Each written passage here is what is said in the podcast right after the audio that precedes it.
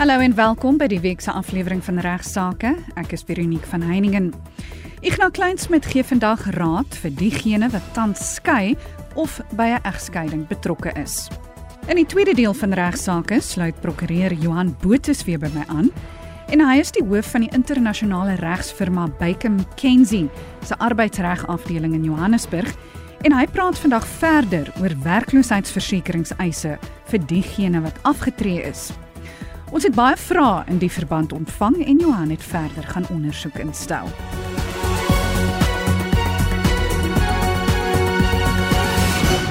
Die week begin ons die program met Ignas wat praat oor egskeidings. So indien jy besig is om te skei of by 'n egskeiding betrokke is, kan jy gerus nou ingeskakel bly. Ja, ek is baie bly dat jy ingeskakel is op regsaake en van my kant af 'n uh, baie hartlike goeiemôre. Die meeste skrywes wat ek ontvang hier van regsaake se kant af en ook in my kantoor handel maar oor huweliksreg en dan veral natuurlik egskeidings en ook onderhoud. Baie keer is dit briewe van oumas of oupas of bekommerde ouers. Maar baie van hierdie luisteraars is betrokke by baie hoogs emosionele uitmergelende egskeidings. Daar is dikwels tussen die lyne wat mense kan lees noodkrete en dikwels ervaar ek by die lees van hierdie navraag 'n uh, roerende hopeloosheid en 'n moedeloosheid oor die pad vorentoe. En veral ook natuurlik die bekommernis oor die onherstelbare skade wat die onskuldige kinders moontlik kan tref. Nou feitelik al hierdie luisteraars het reeds prokureurs en is alreeds besig met egskeidings. Gevolglik kan ek hulle dan nie help nie want ek raak nie betrokke waar daar reeds ander prokureurs is nie. Ek het egter gedink dat ek graag 'n paar gedagtes oor egskeidings in die volgende paar weke met my bydrae wil deel met u almal in die hoop dat dit sal help vir die van u wat dalk besig is om te skei of die wat dalk oorweeg om 'n egskeiding te verkry. Wat ek vir jou sê is maar min of meer wat jy sou gehoor het as jy met my en my praktyke afspraak gemaak het om te kom uitvind hoe werk 'n egskeiding en wat kan jy van die toekoms uh, verwag wanneer jy 'n egskeidingsgeding wil instel. Nou daar's 'n paar basiese vrae natuurlik. Eerstens moet 'n mens praat oor die gronde vir egskeidings, die manier veral waarop mense egskeiding behoort te hanteer en die rol van 'n prokureur daarin, die belange van die kinders, natuurlik die fokus sal kortliks val op die beheer en toesig oor die kinders, die redelike toegang ensovoorts. Maar vir my die belangrikste aspek wat ek by 'n eerste konsultasie onder almal wat my kom sien se aandag wil bring is dit kragtens die moderne egskeidingsreg. Is dit gelukkig of dalk sal sommige dink ongelukkig redelik maklik om vandag 'n egskeiding te kry. 'n Prokureur kan dus feitelik sonder uitsondering vir 'n kliënt wat wil skei waarborg dat hy of sy daarin sal slaag om 'n egskeidingsbevel te kry. Al wat 'n mens moet bewys is dat die huwelik onherstelbaar verbrokel het en dat daar geen redelike vooruitsig is op die herstel van 'n normale huweliksverhouding nie oorgesê syne kan 'n mens sê dit beteken in praktyk dat versoening tussen die partye redelikerwys nie moontlik is nie. In die verlede was daar spesifieke gronde vasgestel waar volgens mense egskeiding kon bekom dat dit goed behels sake behels soos oorspel of kwadwillige huisverlating. Daar was dikwels toe ek 'n jong prokureur was lang uitgerekte emosionele resgedinge oor wie se skuld dit is dat die huwelik ontbind moet word. Maar wees asseblief daarop attent dat in die moderne egskeidingshof is die vereiste om skuld aan te dui aansienlik verwater. Skuld speel feitelik geen rol meer nie behalwe waar 'n mens kom by verbeurverklaring van voordele wat maar baie skaars is. Deesdae konsentreer die howe in die meeste gevalle nie meer op die verwikkelde skuldvrae soos wie vir wie geslaan, wie vir wie gevloek, wie oorspel gepleeg want jy weet ek's nooit by die huis nie want my vrou is seksueel kil maar sy seksueel kil want sy dink dat ek 'n buiteegtelike verhouding het of haar nie meer liefhet nie. Dis uh, luisteraars wees gewaarsku dat kwaad wees en wraak dikwels glad nie vir u voordelig is as deel van die egskeidingsproses nie en dit net sake bemoeilik en addisionele onnodige kostes veroorsaak. Baie kliënte wil ook weet of hulle met 'n egskeiding sal slaag indien die ander party weier. Die antwoord daarop is ja. Maar dan moet 'n mens dadelik byvoeg dat die teenparty wat nie wil skei nie, dit natuurlik vir ons baie moeilike maak, vir die ander party baie moeilike maak, soos byvoorbeeld hy of sy kan ons verplig om in duur en uitgerekte litigasie en baie kostes betrokke te raak. Nou, ek is iemand wat glo dat versoening vooropgestel moet word.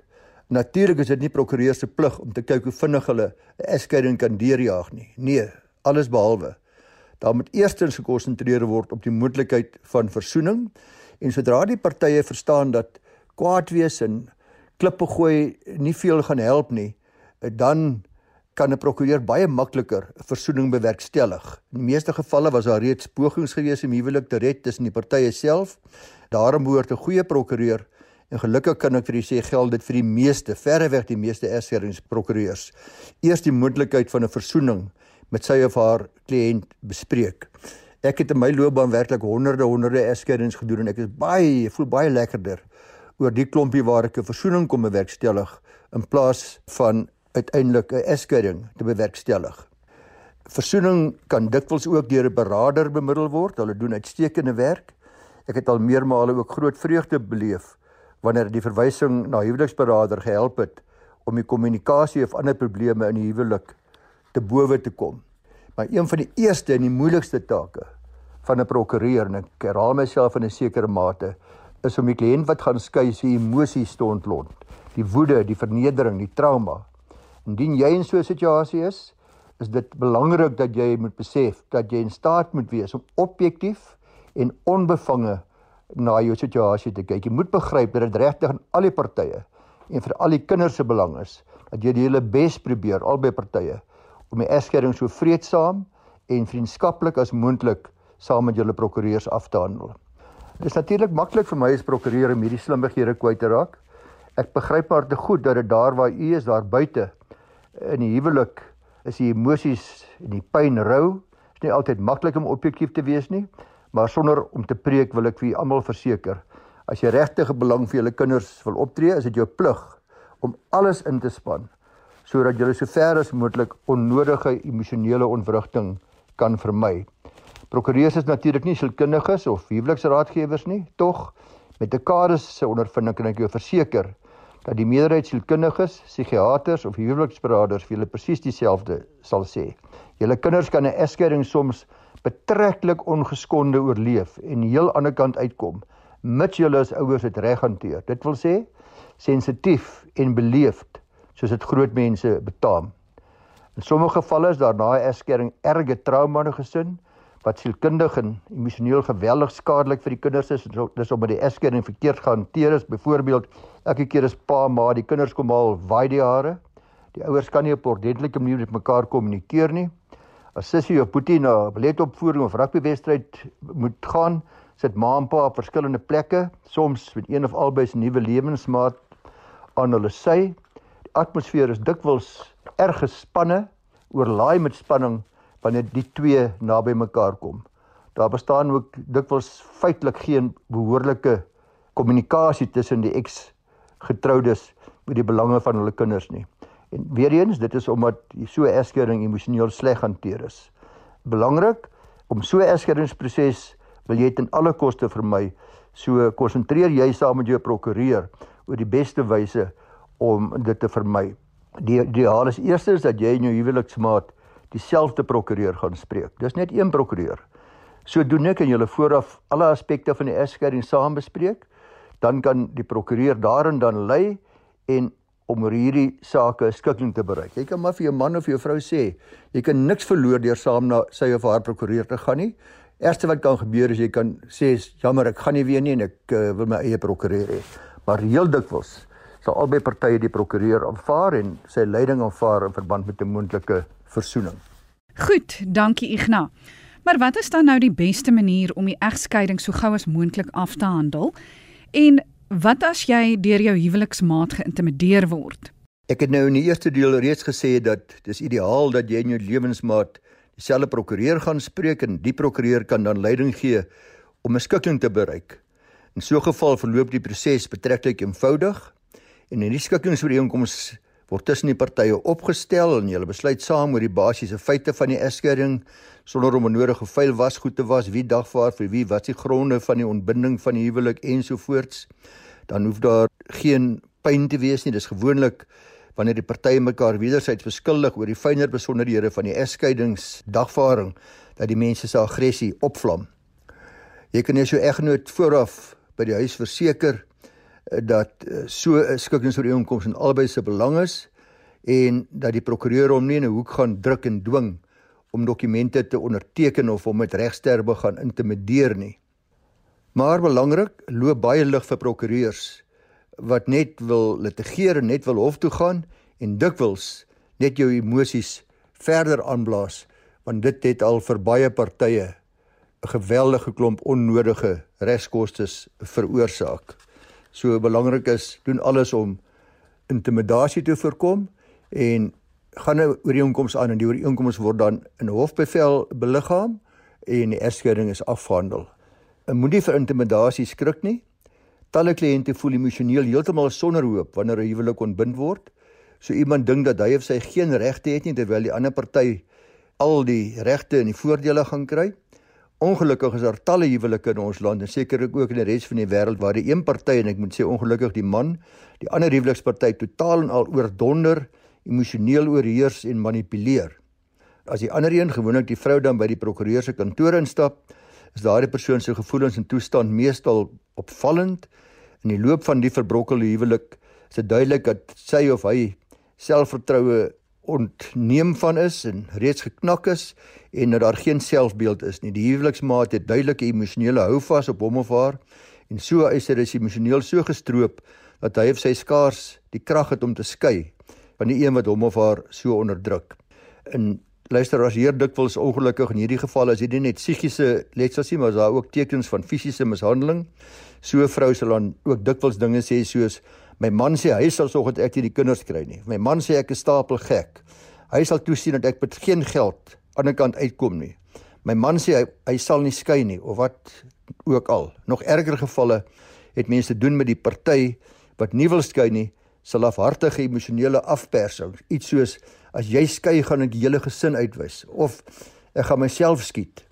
Baie keer kom die soorte vroue afknouer en afhartige buffel ook binne dreigement dat hy ken die beste prokureurs hy ken die beste advokate ensovoorts ensovoorts en buitendien hy hou mos die beursie. So die goeie nuus vir jou as kliënt, meneer of mevrou, is dat die reg beslis nie so werk nie. En die egskeidingsproses is die speelveld gelyk. Jy is onderdrukte party dieselfde regte as jou lewensmaat. Nie die regte sou gedurende die egskeiding behoorlik beskerm word. In baie gevalle waar jy self 'n inkomste verdien nie, kwalifiseer jy vir regshulp. En daar's ook 'n reël in ons Hooggeregshof en die Streekshof wat daar voorsiening gemaak het in gepaste gevalle waar jy onderhoudsgeregtig is en nie inkomste het nie, die man ook 'n bydrae moet lewer tot jou regskoste as tussentydse regshulp en dieselfde geld ook ten opsigte van tussentydse onderhoud terwyl die aksie wat dan voortgaan afgehandel moet word. Dis heel dikwels kom hierdie genoemde groot doenerigheid van die dominerende party dan ook redelik vinnig tot 'n einde want indien die regsprosesse aanvang neem en die boelie besef dat hy nou met jou prokureur te maak het en nie meer met jou nie, dan is hy nie meer so heldhaftig nie. En as jy dan besluit om maar liewers uit te hou, dit bly steeds tragies om te sien hoeveel vroue geen eie lewe het nie, hulle bly maar die slaansak. Hulle bly maar die onderwerp van vernedering en die voorwerp van tuistering. Dit doen hulle dikwels bloot om finansiëel te oorleef om hulle dalk dikwels nie eie inkomste het nie en slegs sodat die kinders 'n sogenaamde dak oor hulle kop kan hê.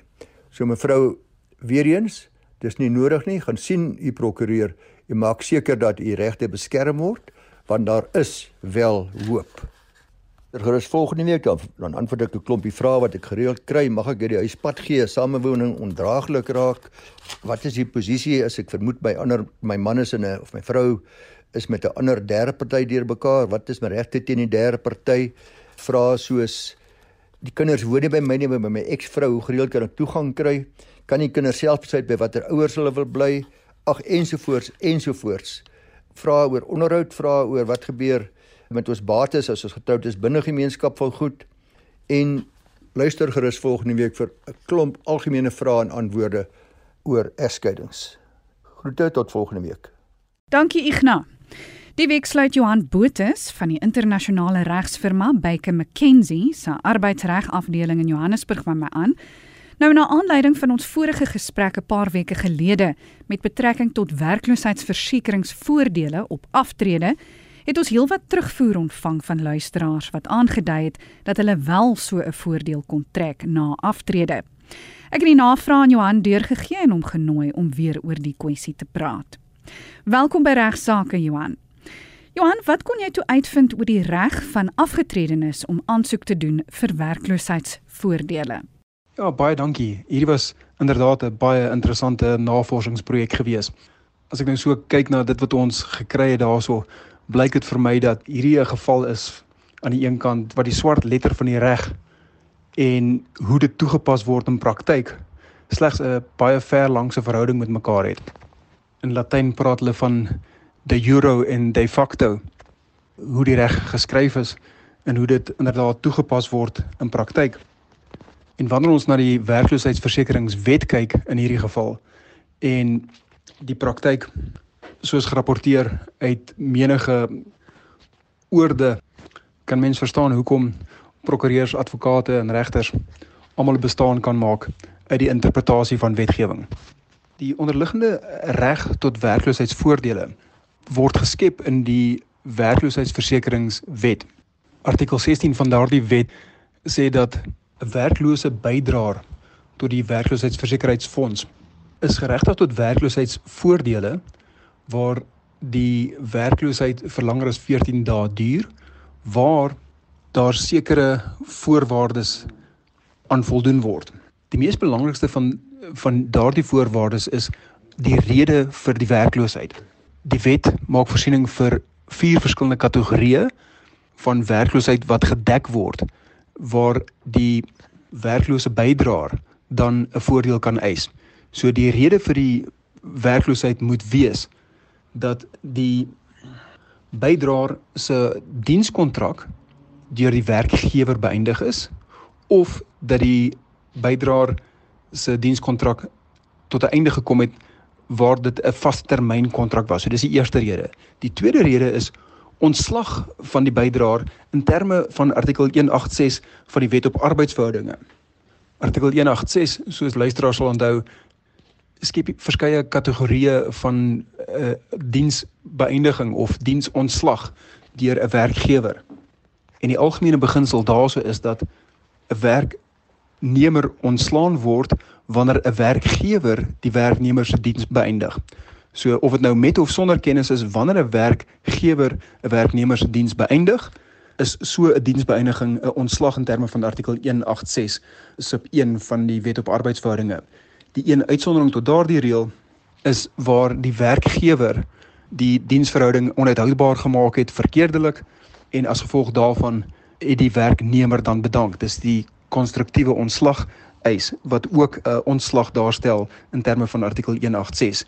Die ander uitsondering op die algemene reël van ontslag is dat 'n werknemer 'n uh, redelike verwagting gehad het dat hul vaste termyn kontrak of weer hernu sou word of dat dit permanent gemaak sou word en dat die werkgewer dit dan nie gedoen het nie. So dit is die gronde waarop 'n werknemer dan 'n eis vir onbillike ontslag by die kommissie van versoening bemiddeling en arbitrasie kan instel. So as jy afgedank is deur jou werkgewer, stel dit jou in die posisie om 'n uh, eis vir onbillike ontslag by die KVBA in te handig, maar dit skep dan ook die geleentheid vir jou om 'n werkloosheidsversekering eis in terme van artikel 16 van die werkloosheidsversekeringsfonds wet in te handig om die werkloosheidsversekering voordeel te eis. So ontslag in terme van artikel 186 van die Wet op Arbeidsverhoudinge is die tweede grond wat 'n werklose persoon op kan steun om werkloosheidsversekeringsvoordele te kan eis. Die derde grond vir werkloosheid is insolventie en die vierde een handel oor die dood van die werkgewer waar die werknemer 'n huishoudelike werker is. So daardie vier gronde is die gronde wat die wet 'n werklose persoon toelaat om 'n eis in te handig vir werkloosheidsversekeringsvoordele, niks meer nie, niks minder nie. Soos die luisteraars dis sal aflei, die wet is stilswyend oor aftrede as 'n rede vir diensbeëindiging. Aftrede is nie 'n grond vir ontslag in terme van artikel 186 van die Wet op Arbeidsverhoudinge nie. So die vraag is of 'n afgetrede persoon wel 'n eis het vir werkloosheidsversekering voordeel in terme van die wet op werkloosheidsversekering artikel 16 van daardie wet. Dit klink na 'n mondvol, maar wat beteken dit vir die luisteraars? Is aftrede 'n geldige rede om werkloosheidsversekeringsvoordele te eis?